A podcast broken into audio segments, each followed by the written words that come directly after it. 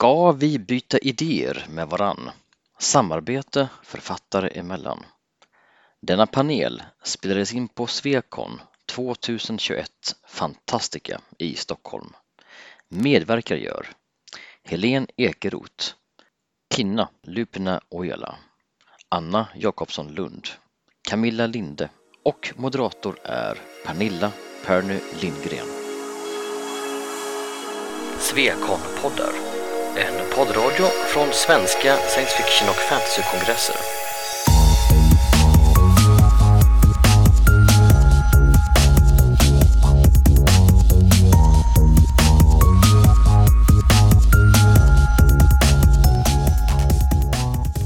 Hej och välkomna till eh, samarbetet inom författarskapet. Eh, författaryrket eh, anses ju i många fall vara ett väldigt ensamt arbete när man sitter instängd på sin kammare och skriver. Eh, men frågan är, måste den vara det? Och det är det vi ska prata lite grann om nu. Eh, och jag heter Pernilla Lindgren, kallas oftast för Perny, eh, framförallt i, i de sociala mediesammanhangen. Eh, sammanhangen.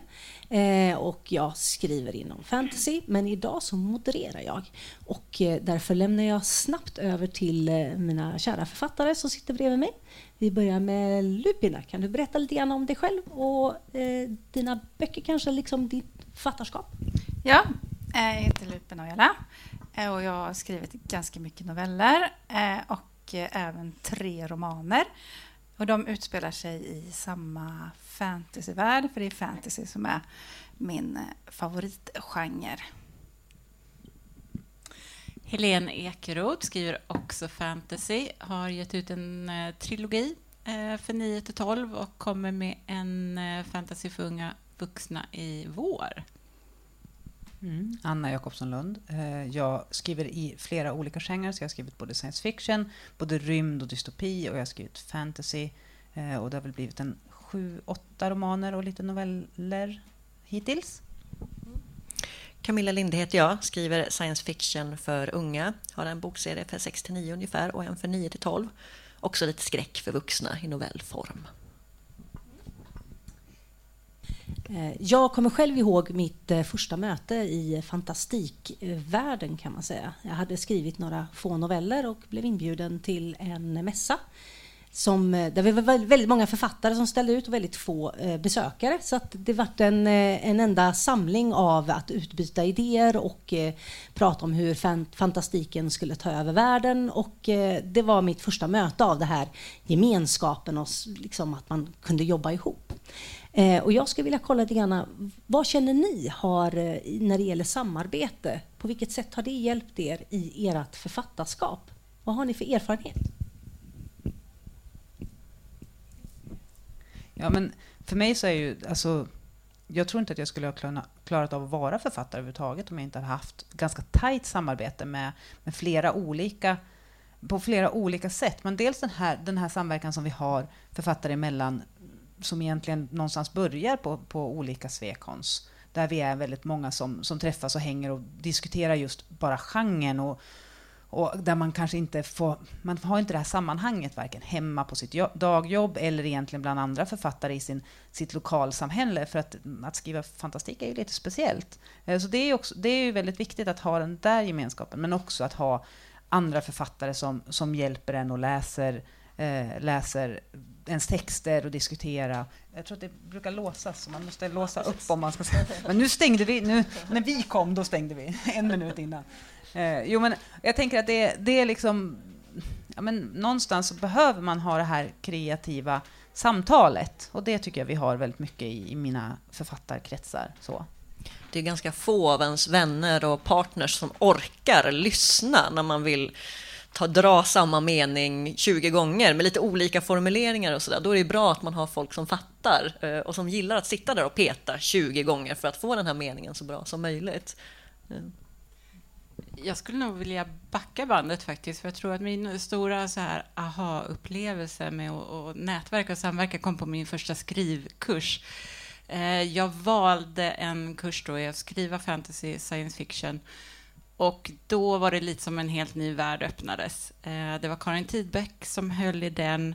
Ehm, och det här är drygt tio år sedan. Och det var liksom porten in, kan jag säga, till liksom hela Fantastik-Sverige faktiskt, att gå den kursen.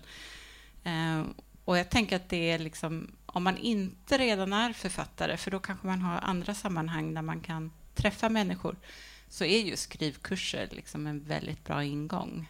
Ehm.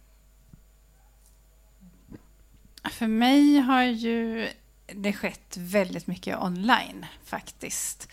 Eh, först har jag träffat några på någon mässa eller på någon eh, annat eh, fantasy-sammanhang, något kon kanske, så har man blivit kompisar på Facebook och sen så har det blivit väldigt mycket att man har eh, diskuterat stå, eh, ah, i Messenger eller eh, så. Så det har varit väldigt mycket, ja, inte så mycket fysiska möten för min del, utan mest online fortsätta på det, för det var en följdfråga som jag tänkte ha när det gäller det här med samarbete. För att förutom det här med att skriva och så, så tänker jag mycket när det gäller sociala medier. Det är många fantastisk podd till exempel, har ju varit ett stort samarbete där, eh, där många författare har, har pratat och gett idéer som har spridits då, som alla kunnat lyssna på. Är det något sånt som ni har erfarenhet av? Du och jag Lupina, vi gör ju, vi gör ju en del vi samarbetar kring, kring Bokmässan och, och har också en, en, Du driver ju en, en butik eh, som, som vi har liksom stått på Bokmässan under gemensamt namn, Oskarianska kompaniet. Och det var ju en sån grej där, jag vet inte om det hade du har ju en sån visuell hjärna och den typen av liksom kreativitet, så du hade säkert kunnat komma på den här idén på egen hand och, och kört själv. Men jag hade aldrig kommit på en resebyrå för, för liksom, eh, fantastiska resor som heter Oskarianska kompaniet. Så jag tänker att ibland så kan man bara liksom haka på någon som har liksom en annat, ett annat sätt att tänka. Ja, och du göra... kompletterar ju mig genom att du har liksom det organisatoriska och fixar alla så här ja, vi ska ha så många kvadratmeter och vi ska kontakta den och vi ska boka det. Så det blir ju ett väldigt bra samarbete när vi har gjort saker ihop. Mm, precis. Och sen har vi också kört live-sändningar på Instagram mm. tillsammans. Vilket, vilket jag tyckte var bra. Vi har gjort det med andra författare också. För jag tycker det är väldigt jobbigt att sitta själv och prata i telefonen. Med, det känns jättejobbigt. Men om man är två som delar på en livesändning på Instagram eh, och ställer frågor till varandra eller har en diskussion så tycker jag att det blir mycket mer eh, det blir lättare och det blir roligare och även de som har tittat har sagt att de tycker det, det blir mer dynamiskt när man är två personer. Kan du inte berätta lite mer om det? Det låter superspännande, just livesändningar. Vad pratar ni om? Och ja, det har varit kommenterar ni det? Folk ja. kan de live-kommentera? Ja, liksom, om ni kan ha dem med i samtalet? Liksom. Absolut. Det kommer in kommentarer och folk frågar saker och blir nyfikna. Och då svarar vi naturligtvis på det. Så det är jättekul att det blir en sån direkt interaktion. Men det har varit olika ämnen. Eh, jag och Andrea Grave-Miller har pratat om, vi är båda liksom i ungefär samma eh, vi skriver varsin roman, båda två just nu, och är i samma läge i redigeringsprocessen. Så då har vi pratat om redigering mycket till exempel. Eh, jag intervjuar Marcus Olausson som just avslutat eh, sin jättetrilogi, eh, Seremas Porium. Eh, och har ju, den har ju varit ganska populär, så det var ju väldigt många som ville ställa frågor direkt till, till Marcus då, för att de tycker han skriver bra. Och du och jag hade ju också en, en sändning Fast nu minns inte jag vad vi pratade om. Nej, gud, vi pratade jättelänge, men jag kommer inte ihåg någonting av vad vi sa. Men jag tänker att det är liksom lite grann känslan också av att det vi har, som jag tänker att det såklart finns andra författarklickar som är feelgood-författarna, har ju också lite, man märker att de har liksom en, en, en, gemenskap, men den är väldigt stark, författargemenskapen, just på fantastiken, på, i våran liksom lite off-mainstream eh, grupp. Och det tänker jag att när vi har de här livesändningarna och när vi också när vi sitter i paneler ihop, att man att det också blir lite tillgängligt. Att om man som, ja, men jag tänker som det här med skrivkurs. Var hittar man sitt sammanhang? Att det, är, tycker man om att skriva och, och vill liksom bli med ett, i ett sammanhang så finns det liksom lite grann tillgängligt att vi inte är vi sitter inte på några höga hästar, för vad fan skulle vi ha där att göra? Liksom så. Vi är ju vi är liksom på något vis ganska... Vi, de här samarbeten gör att vi, det märks att vi är mänskliga och att vi på något vis också att det det är lite inbjudande. Och, och, det tänker jag är viktigt också. Att det inte bara är en sluten grupp som liksom har råkat, råkat liksom, men, det märker man ibland när man tittar utomlands, att det finns liksom vissa grupper där man märker att ja, men de här, de har ju ganska mycket makt och de kan hjälpa varandra framåt och så vidare. Här handlar det liksom snarare om att stötta varandra och inte ge upp. Liksom så. Den typen av samverkan. Och det tycker jag är, liksom, det är lite skärmen också, på ett vis. Ja, jag skulle vilja haka på där, för jag, jag skulle vilja jämföra kanske det som fin, finns inom fantastiken, för det, det är väldigt sådär välkomnande. Jag håller med dig i det. Um, men jag upplever att samma sak finns just mellan barn och ungdomsförfattare i Sverige oavsett om man är liksom på mindre förlag, stora förlag. Um, och nu är det här kanske fördomar mot, mot eh, vuxenvärlden, alltså vuxenlitteraturvärlden. Ehm, men, men jag tror att vill man komma in i sammanhang med författare så känns det som att barn och ungdomsförfattare är också väldigt generösa med att släppa in en. Eh, och det var väl en väg in för mig också i början. Nu bor jag nere i Malmö och det kanske också är så att i, i den regionen så, så nätverkar vi ganska mycket för att det är rätt stor skillnad mot att bo i Stockholm. För allting är så Stockholmscentrerat när det gäller förlag och så här. Um, så då blir man ganska tajta liksom. Eh, och de släpper in, alltså, det är det som är så fint. Att de släpper in en, fast man behöver inte ha gett ut böcker. Liksom. Man kan vara aspirerande författare, men det är ändå liksom en, en väldigt så eh, generös inställning till att släppa in folk. Men kan det inte vara att båda är lite underground? Alltså fantastiken är ju underground, men barn och ungdom är ju också det för att det är lite sådär skriva för barn, ja, inte riktigt lika fint som att skriva för vuxna, recenseras inte så mycket av tidningar och sådär. Det finns någonting i det här utanförskapet jag, jag tror som faktiskt det, binder oss samman. Det känns lite sorgligt att det är så, eh, men jag tror att det stämmer. Eh, ja, ja, ja, det är väl en sån här grej som jag kan uppleva också, just det här när, när jag träffade alla fantastikförfattare för första gången. Just det här att samtalen eh, behövde inte hålla sig... Alltså när man pratade, så folk tyckte inte att man var dum i huvudet när man pratade om andra dimensioner eller diskuterade om vad, vad Star Treks nya, eh, nya tidslinje kan göra för, för, för framtida filmer, till exempel när man pratar om sånt på andra ställen så är man helt galen. Eh, eller om man kommer med sin idé. Eh, jag tänkte kolla lite grann, just där vi har varit inne på det här med när man går eh, olika kurser och, och, att man skapar nätverk. Och då tänker jag lite grann som, jag vet ju, du har pratat om det i ditt Anna-nätverk, Anna. Men nu är det inte bara annor med det. Men jag, jag tycker det varit så intressant, för du har pratat lite grann om det. Är det något, liksom, eh, hur, hur har ni jobbat? Alltså, jag hade ju väldigt, jag hade ju väldigt tur. Alltså det är det som är så intressant. För att gå tillbaka 20 år i tiden så hade ju inte det här, alltså den typen av samvaro som vi har idag skulle inte ha funkat. För jag, jag sitter ju eh, i Sundsvall och det, där pratar vi ännu mer att det liksom kanske inte finns så mycket ens att samverka med. Och via Facebook så träffade jag, det blev så att jag råkade träffa två stycken som också hette Anna och det var, det var liksom roligt på sitt vis. Och sen så har ju Camilla eh, liksom blivit en del av det här att vi liksom man pratar väldigt mycket intensivt via internet, både som vänner men också såklart med mycket författarfokus. Och vi hjälper varandra framåt i att, att liksom vara de här Ja, men, om ens partners och vänner inte orkar lyssna på den där, när man liksom jobbar med det där lilla, så orkar de inte heller vara de där riktigt stränga vännerna som verkligen vill att man ska anstränga sig för att lyfta sig själv framåt. Och det behöver man också när man är författare. Man behöver de här de här författarvännerna som verkligen ser till textens bästa och vill att den ska bli så bra som möjligt och kan vara, lägga ner massor med tid, massor med tid pratar vi om, eh, och massor med energi och kunskap och klokskap för att liksom lyfta texten. Och det tycker jag vi har fått väldigt mycket från eh, den gruppen, men även från andra förstås. Men just att liksom ha den här lite tajtare gruppen där man verkligen kan vara ärlig med, med sina texter. Det känns väldigt viktigt. Jag vet inte om ni har något liknande? Jo, jag har väl liknande. Faktum är att efter den här första kursen som jag gick för tio år sedan, då bildade vi en liten responsgrupp. Och då var vi ju just författare som skrev fantastik och det jag tror det var väldigt värdefullt. För man vet vad man pratar om. Eh, man behöver inte ställa så grundläggande frågor, eh, utan man förstår liksom eh, texten.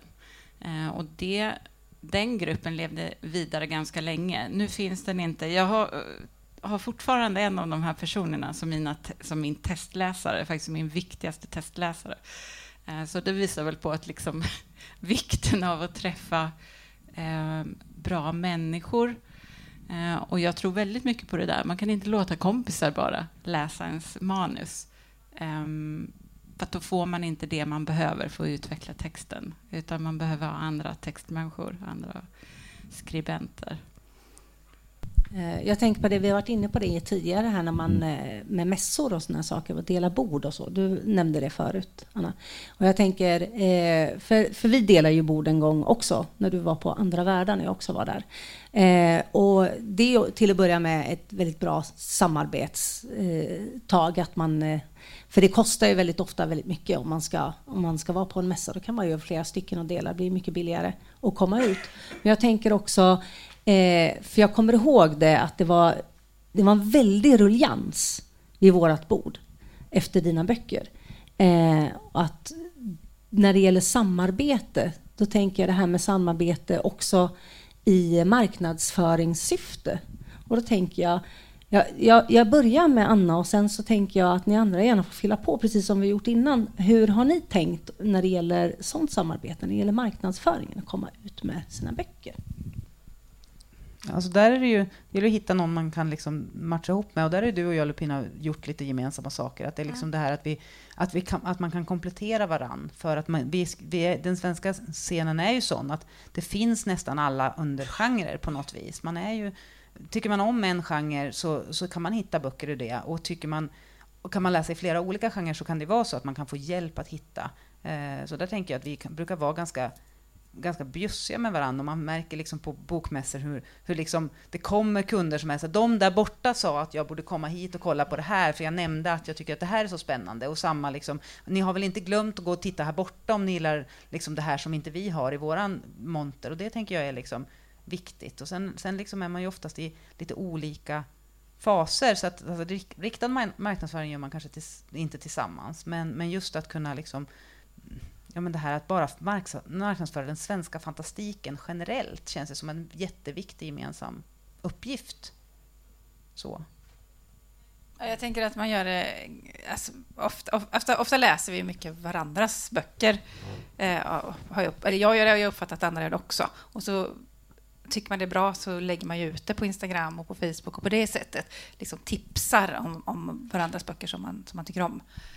Eh, så, att, så på det sättet, ja, men, men några stora marknadsföringskampanjer finns det ju ingen budget till.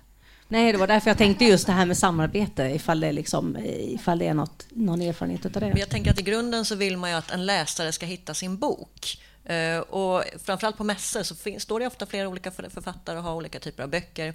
Så där har man ju möjlighet, om man känner till de andra som står där, att faktiskt ja, skicka vidare. Liksom. Vi har ju delat bord någon gång också. Det är ju superbra, för att om man stöter på någon, eh, jag säljer barnbö- eller skriver barnböcker, har de inte barn, de känner inga barn, ja men titta här, här har ni vuxenböckerna. Gillar ni science fiction? Nej, men gillar ni fantasy? Det finns ju här också, som man liksom kan använda sig av varandra. Jag tänker att det där kommer ju alltid gå runt, för då kanske du hittar någon med barnfamilj som du kan skicka vidare. Alltså att man hjälper varandra och just boken ska hitta sin läsare eller läsaren ska hitta sin bok. Mm. Jag får ju nästan ge en kommentar här, för jag har ju aldrig stått i Fantastikgränd på Bokmässan. Jag kan bli så nästan lite avundsjuk, när, liksom, för att jag vet ju hur tajt samarbetet är där. Det är ju ungefär som ett Svekon, fast mycket större. Eh, men eftersom mitt förlag, eh, nu ger jag ju ut böcker på Rabén och Sjögren, så mitt förlag är ju alltid med själva på Bokmässan och säljer mina böcker, så att jag gör ju aldrig någonting rent praktiskt liksom, på det sättet. Um, och då kan man ju tänka sig så här att ja, men det är väl jättebra att, att förlaget eh, sköter det. Ehm, men rent marknadsföringsmässigt så skulle jag vilja säga att förlaget gör ju egentligen inte heller så där jättemycket mer än att ta dit böckerna, om jag ska vara så lite krass. Och det är skönt att höra att även stora förlag, det kanske inte är jättestor skillnad i marknadsföring alltid. Eh, jag tänker så här, när det gäller det här med samarbete, att det är alltid bra att tänka lite grann utanför boxen. För man har ju oftast sitt synsätt och många av de här sakerna vi har pratat om nu kan, ju, jag tänka att många kanske, ja men det där, ja men det har jag tänkt på, ja men det känner jag till.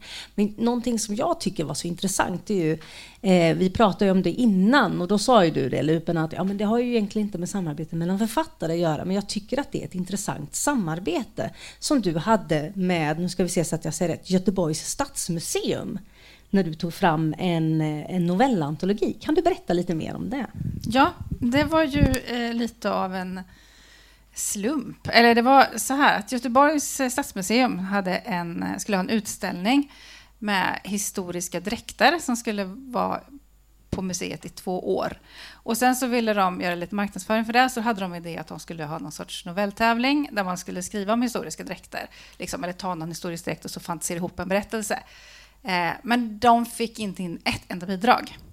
Och i samma veva så hade jag blivit intervjuad i form av att jag är steampunkare. då, liksom, för det ser lite kul ut med korsett och grejer, så jag hade varit med i en intervju i en lokaltidning. Och då såg de det, den intervjun, och tänkte, ja men den här, och så läste de att jag även har ett förlag och att jag är författare. Så de hörde av sig till mig och, och pratade om sin idé. Och då bestämde vi att, ja men jag hjälper till, jag fixar en novelltävling.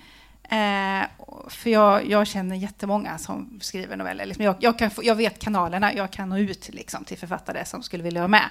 Och då var kriterierna att det ska utspelas i Göteborg, eh, ett plagg ur den här utställningen eh, måste finnas med i novellen och det måste vara någon typ av fantastik. Och då kunde det vara då skräck eller science fiction eller fantasy eller vad man tyckte. Och det resulterade sen då i en novellsamling som heter 20 sällsamma berättelser jag fann i en garderob.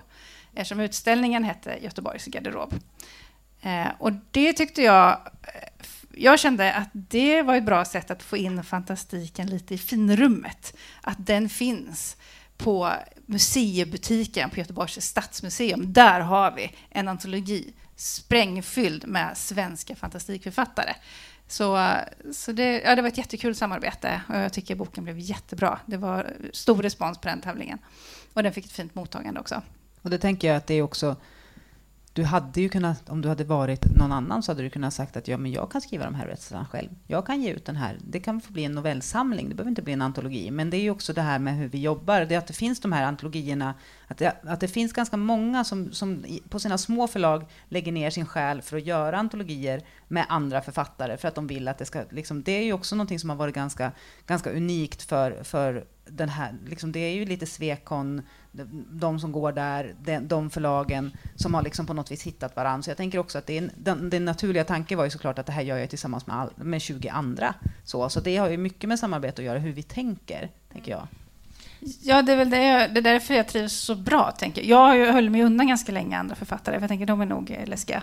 Men, men sen när jag träffade dem, och det var ju också på Andra världar-mässan, fast inte första, andra året som Anna Vintersvärd anordnade. Det var en sån liten bokmässa eh, för fantasy. Och då tänkte jag, men gud, vilka, de här människorna är ju jättefantastiska och snälla och fina och välkomnande. Och ja, jag tyckte direkt att här, jag, jag vill vara med här liksom, och jag vill att dela med sig och man hjälper varandra. Det var jättefint. Eh, jag tänkte gå vidare där på det här när det gäller antologier. För eh, när man går igenom det som ni har skrivit. Eh, flera utav er har ju eh, många antologier i liksom, rockärmen så att säga. Och många utav er är ju i samma antologier också kan man ju se. Eh, och då tänker jag just det här med, som ni var inne på, det här med antologier som ett bra samarbete. Just att eh, det är flera författare som hjälps åt att komma ut med böcker och så.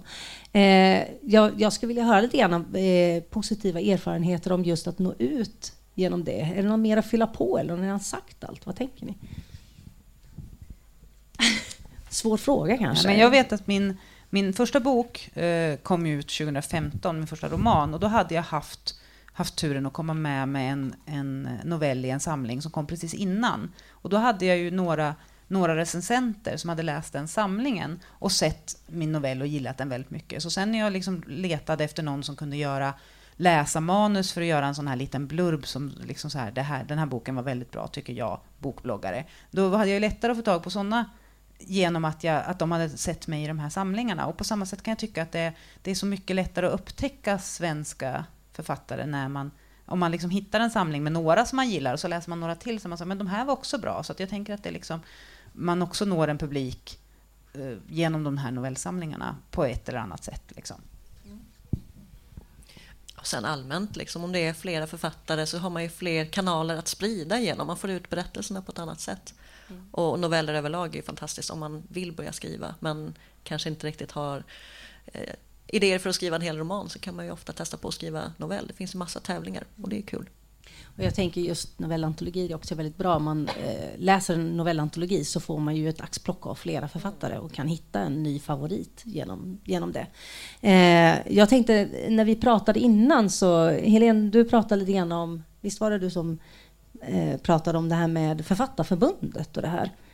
Eller är jag helt ute och cyklar nu? Nej, det är du ju inte. Jag bara tänker så här, liksom, alternativa vägar för att nätverka. Så ska man inte glömma att vi faktiskt har ju organisationer i Sverige som Författarförbundet och Författarcentrum. Och det ska man inte heller vara rädd för och tänka att eh, där platsar man inte som fantastikförfattare eller så. För det gör man visst det. Um, det är bara att de har vissa krav för att man ska kunna bli medlem, men det är ju i princip att du ska ha gett ut någon bok eller två. Ehm, men de ordnar ju också både fortbildning och liksom eh, sociala event och så vidare. Under corona nu så vet jag att de har haft till exempel här, sociala fikor via Zoom och så. Så det är också ett, liksom ett sätt om man vill utvidga just alltså sitt nätverkande eh, med andra författare och då i, liksom, i hela Sverige. Mm. Eh, jag tänker också, mm, är det någon mer som har någon sån erfarenhet när det gäller organisationer förresten, innan jag bara hoppar vidare här? Nej. Det är väl de som, och de är ju väldigt och där är ju också ungdoms, alltså de Bult som är liksom samlar ungdomsförfattarna är ju liksom, det är ju den man, jag har erfarenhet av, men det är ju också en väldigt aktiv och väldigt inbjudande förening. Så. Absolut. Jag tror att förutom rena fantastikförfattare så är det nog genom Bult faktiskt som jag lärde känna, om man säger författare som skriver annat också. Eh, så var det genom Bult då, som står för, det är då Författarförbundets barn och ungdomssektion. Mm. Och jag tror att corona spelade ju in väldigt mycket där, för innan var det mycket träffar och utbildningar, men det mesta var i Stockholm. Och om man då inte bor i Stockholm så kan det bli svårt att ta sig till dem. Men helt plötsligt så var det ju digitala fikor varje onsdag, det var olika utbildningar och träffar, så då, där märkte jag i alla fall att jag kunde ta del av det på ett annat sätt.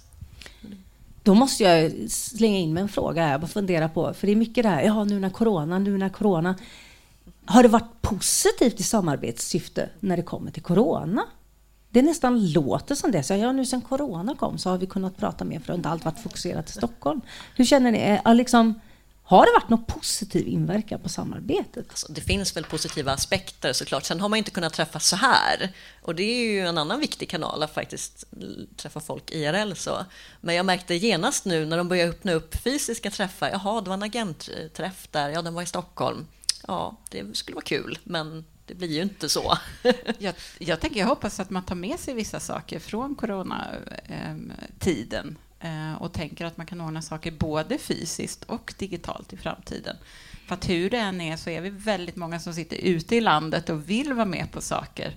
Mm. och då kan man det när det blir digitalt på ett helt annat sätt. Och jag tror att också det sätt som vi umgås på lite har gjort att vi kanske har lättare än andra att överleva socialt under en pandemi. För att jag tänker också att väldigt mycket, som du var inne på förut Lupina, att det, är så väldigt mycket som är, är digitalt. Vi träffas väldigt mycket och planerar väldigt mycket saker. Och det, jag tycker att det är häftigt med, med författarskap. Så här är det säkert om vi hade varit på en flugfiskeföreningskonferens så hade det kanske varit lite grann samma sak. Att, att om man delar någonting så spelar det inte så stor roll vem man är sen. Man, är, man blir mycket närmare varandra mycket fortare för att man delar texter med varandra och man delar liksom samma erfarenheter av att kämpa med utgivning och kämpa med mot sina egna demoner för att ens skriva klart boken och sådana bitar. Och när man vet att man delar det så kommer man ganska nära varandra och då behöver man inte ha så mycket man kan ha ganska sporadisk kontakt och ändå när, man, när du och jag ses för att planera, eller på telefon ses för att planera våra bokmässor så är det så här, vi har inte pratat på tre månader och så är det så här, vi kan väl prata en stund och så tre timmar senare så bara, ja okej, okay, nu har vi löst allting och vi borde ha gjort det här och det här också och vi ska göra massa saker.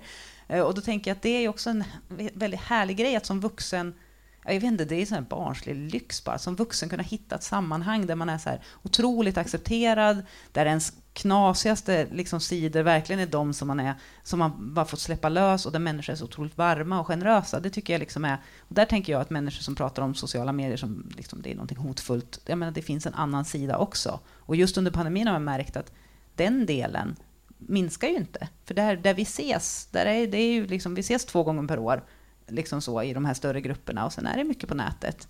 Så det har man inte, liksom inte ändrats. Men däremot saknar man liksom, ja, kunna åka på träffar och sånt. Men, men det är, jag tror det är bra att vi har det här, ja, men att hela Sverige på något vis kan vara med i den här gemenskapen är väldigt coolt. Eh, någonting som, som jag funderar på ifall någon av er har det finns ju, det är väl väldigt mycket inom deckargenren vet jag i alla fall. Jag vet inte hur det ligger till, men hur många här har erfarenhet av faktiskt inte bara att man är med i samma antologi utan faktiskt skriva tillsammans. Är det någon av er som har gjort det? Är det någon som har erfarenhet? Det är någonting som jag tycker vi borde plocka upp lite mer kanske. Jag vet i alla fall att vissa har, har att de skriver i samma värld, har jag hört talas om. Men det är ingen här som har skrivit tillsammans. Jag är lite inne och skriver rollspel också och där är det ju mer öppet. Författare kan ju vara lite så här min värld, så, men inom rollspelandet är det ju mer öppet. Att det är flera författare som är inne och skriver i, i samma värld och det är andra författare som är inne och skriver i min värld också. Um, men jag har hittills inte... Jo, jag har varit i spelat äventyr och skräck och skrivit lite där och då är det mycket man måste anpassa sig till. Uh, det finns givna ramar som jag inte har satt upp utan då måste man ju liksom tänka in det när man skriver. Men man skriver inte tillsammans då på samma sätt. Eh, jag tänker, nu har vi varit inne, vi har pratat om det här när det gäller sociala medier, när det gäller poddar och sådana saker. Och vi har pratat om ja, alla möjliga olika sätt vi jobbar på. Finns det något, om vi skulle spåna helt fritt, finns det något, något sätt som vi inte har jobbat på som skulle kunna vara ett intressant sätt? Är det någon som liksom har en idé om vad man skulle kunna göra? Publiken får också vara med och spåna om ni kommer på något nytt sätt att liksom, eh, samarbeta för att komma ut eller skriva eller hitta på eller alla sätt. Nej. Den som löser den grejen. Ja, alltså, men det, alltså koro, corona har ju varit... Corona har ju, alltså, vi tycker inte om corona, men någonstans har det ändå varit positivt i fråga om att komma på nya sätt att, att jobba och samarbeta och samverka på. Så är det ju ändå. Eh, men då är vi, har ni några råd till andra författare om hur man ska göra för ett gott samarbete eller nå ut tillsammans med samarbete eller hitta någon att samarbeta med? Mm. Alltså det här med sociala medier har, ju, har du ju nämnt, men jag kan alltså inte höja det till skyarna. Jag måste höja det till skyarna ännu mer, för annars hade jag aldrig lärt känna Annorna. Det är ju bara tack vare Instagram som vi är bästa vänner idag. Liksom. Eh, och det är ju rätt fantastiskt faktiskt. Och jag tycker att det handlar om så mycket mer än bara skrivande, för vi utbyter mycket texter, vi pratar mycket text, men vi pratar väldigt mycket annat också. Och där har det att göra med att vi klickar väldigt bra som personer. Så absolut, det är bra att hitta någon som skriver i samma genre, som förstår genren, men det är nog ännu viktigare att hitta personer som man klickar med. Liksom. Och man kan behöva testa lite olika sammanhang för att hitta det. Mm, och där tänker jag att det är viktigt också att vara lite öppen med vem man är och hur man, vad man tänker. Och vad man har. Är man själv generös med hur man tänker kring sitt eget skrivande, då brukar man liksom då fastnar man för varandra. Då märker man liksom att ja, men okej, det, det, här är en sån person som tänker så här, eller vi, vi delar den här gemensamma grunden till varför vi skriver. Ja, men då, då hittar vi liksom in till varandra. Och sen är det väl liksom om man ska samarbeta som författare, oavsett om man ska skriva tillsammans eller bara ta hjälp av varandra, så gäller det ju att vara ganska rejält prestigelös. Man får inte tänka att någonting i det man har lämnat ut ska, få vara kvar. Alltså så, det handlar ju om att vara väldigt öppen. Inte om man känner Anna nej, i alla fall. Nej, nej, nej, nej. Det gäller att vara väldigt öppen för att det här är inte... Det här, jag, jag använder mina vänner nu för att liksom, det här ska bli så mycket bättre och vara liksom väldigt öppen med att... Alltså både generös förstås med att ge av sig själv och sin egen tid för att hjälpa någon annan framåt, men också väldigt mycket tydligt att det, det här är någonting som jag vill. Jag vill att du ska hjälpa mig att bli bättre. Och så, ibland när man får liksom tillbaka res, respons från någon och man känner att åh, men de har inte förstått, eller det här är ju liksom, åh, måste jag göra om det här? Så vill man bara skrika. Men då får man sätta sig tillbaka. Varför har den här personen skrivit så här? Jo, för att det är någonting som inte funkar och den, känner, den här personen känner precis lika mycket som jag att den här texten måste bli jättemycket bättre. Och att vara så öppen och prestigelös, det är liksom enda sättet. För börjar man liksom säga nej men mm, liksom känna sig angripen, ja men då är man i fel sammanhang. Då har man inte hittat rätt kemi. Liksom. Så man skulle kunna säga det här, man, man har ju sett en hel del olika forum där det är nya författare som just, de är så, de är så rädda och, och liksom, eh, de säger nej, men jag vill inte att någon ska läsa min text för de kanske tar min idé. Eller jag vill, jag liksom, lite grann att de eh, blir jättesura när de får... Man, man ska alltså inte vara rädd för att, att dela med sig. Man ska inte vara rädd för att någon ska sno ens idé. Alltså om man hittar rätt sammanhang såklart. Sen tycker jag att det snarare är lite skärmigt när Anna har testläst en av mina böcker med så här, mekaniker med flera armar och sen så testläser jag hennes bok och bara, men alltså den här karaktären med flera armar och de här stora ögonen, jaha, säger du, ja visst ja, det hade ju du. att man liksom inspireras lite av varandra, men jag tycker snarare att det är lite gulligt. så ni ser det inte som att man snor, utan mer att nej, man... Nej, precis. Alltså, alla mm. författare snor, ja. tänker jag. Man brukar säga det, man ska inte låna, man ska sno och göra det så att det blir ens eget så ingen kan se vart det kommer ifrån. Är det inte det någon säger? Mm. Eh, jag tänkte eh, lämna över faktiskt, det är tio minuter kvar nu. Eh, och jag är redan framme till eh, frågor, så att lite öppen diskussion och frågor tänker jag, om det är någonting som publiken funderar över eller kanske själva vill komma med och berätta. Alldeles tyst man. Ja, där. Nej, men Anders och jag och Maria som ni har hört på andra eh, eh, paneler och sen eh, Eva som har inte suttit i någon panel men varit här hela helgen och så några till. Då, då. Och vi ses digitalt, eller ja, från början innan, innan coronaskrället så sågs vi eh, i verkligheten också. Och så har vi förberett texterna och så pratar vi om dem eh, tillsammans. Och där känner jag att det finns en väldigt stor vinst i att diskutera det här funkar inte för mig. Och så säger någon annan, ja men jag fattade precis. Mm.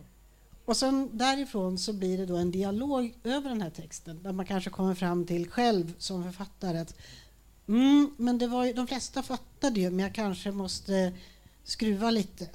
Alternativt, det var ingen jävel som begrep det här, jag måste göra om. Alltså he, hela skalan där. Va?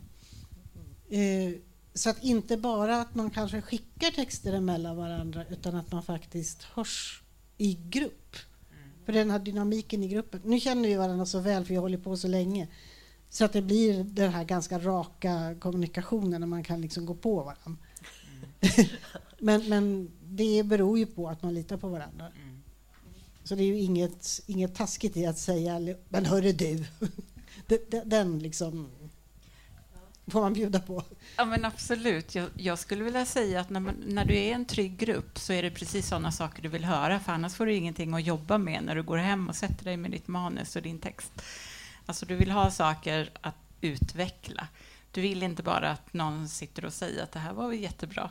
Eh, men det gäller ju att man är en trygg grupp då, där man eh, känner att alla är ärliga. Mm. Vi har gjort både och. Eh, eftersom vi sitter på olika platser i landet så blir det ju liksom lite så att vi har eh, och, och, vi började redan innan det här med videomöten var så där himla modernt, så då blev det lite att man, man skickade och hade lite så här, ja men någon slags möte ibland på, på liksom mer digitalt möte. Och sen har vi skickat eh, och ibland så kan man vara så där, nu har jag läst dina kommentarer, kan vi ta en liten videosnack och snacka ihop oss? Hur jobbar ni i eran liksom, Alltså den responsgruppen jag har nu är vi tre stycken, men vi bor ju nära varandra. Alltså, så vi träffas ju fysiskt. Mm. Och det är helt klart en fördel. Alltså jag kan ju se det, för att det blir en annan typ av diskussioner. Eh, sen gör vi oftast kommentarer direkt i manuset ändå, liksom, som vi skickar till varandra. Eh, men det händer någonting i diskussionen. För man kommer dit med, med det man vill säga och så sitter någon annan där och säger kanske ibland samma sak och ibland någonting helt annat. Och så kan man ta den dialogen med författaren. Eh, och oftast leder ju det också till att eh, författaren själv sitter där och kommer på nya grejer. Bara, men så här, och det kanske inte är sånt som vi har sagt, men dialogen i sig föder någonting i författarens huvud. Så då går man ändå ifrån, därifrån med kanske en ny lösning eh, på en scen eller någonting. Och det, det är ju det som är så givande. Ja, eh, jag är också med i, en, i ett sånt eh, nätverk. Just när man, men vi träffas ju på Teams för att eh, vi bor för långt ifrån varandra. Men annars tänkte jag att just det här med att få respons. Jag hade en, eh, en responsgrupp en gång under tiden jag skrev Alhilda eh, första vändan.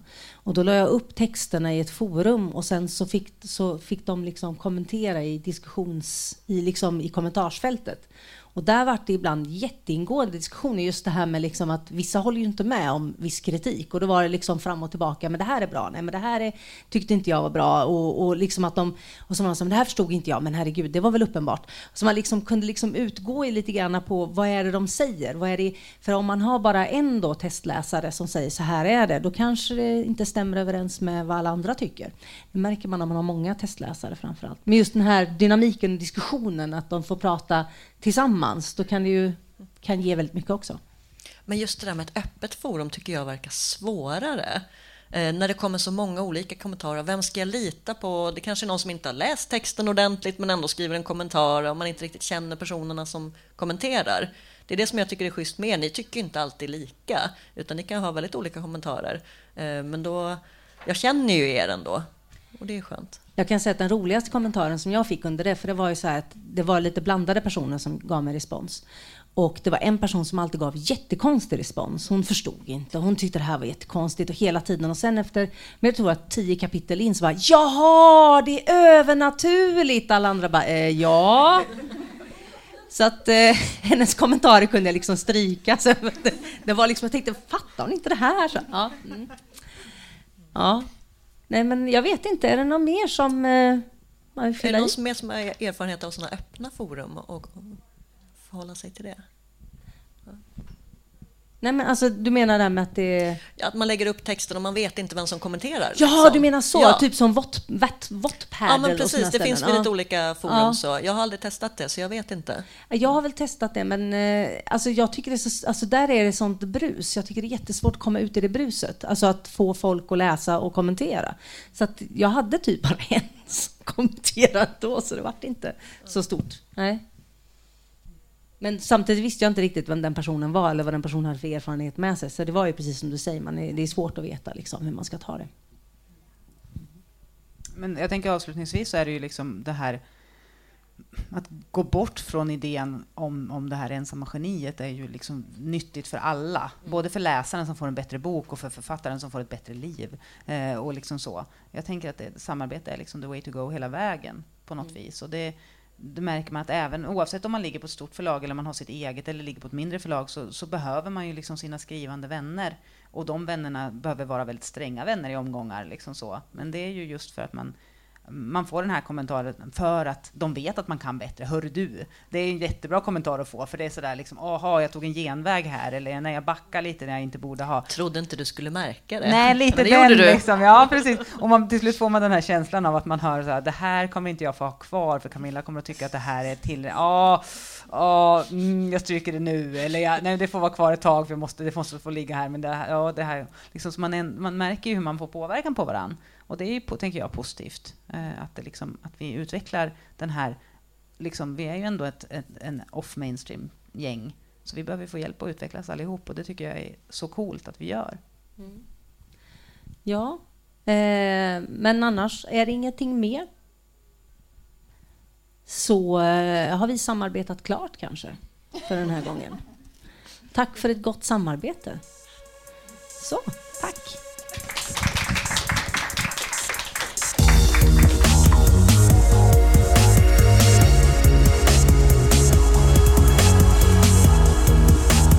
Musiken av Psychedelic Pedestrian från Free Music Archive.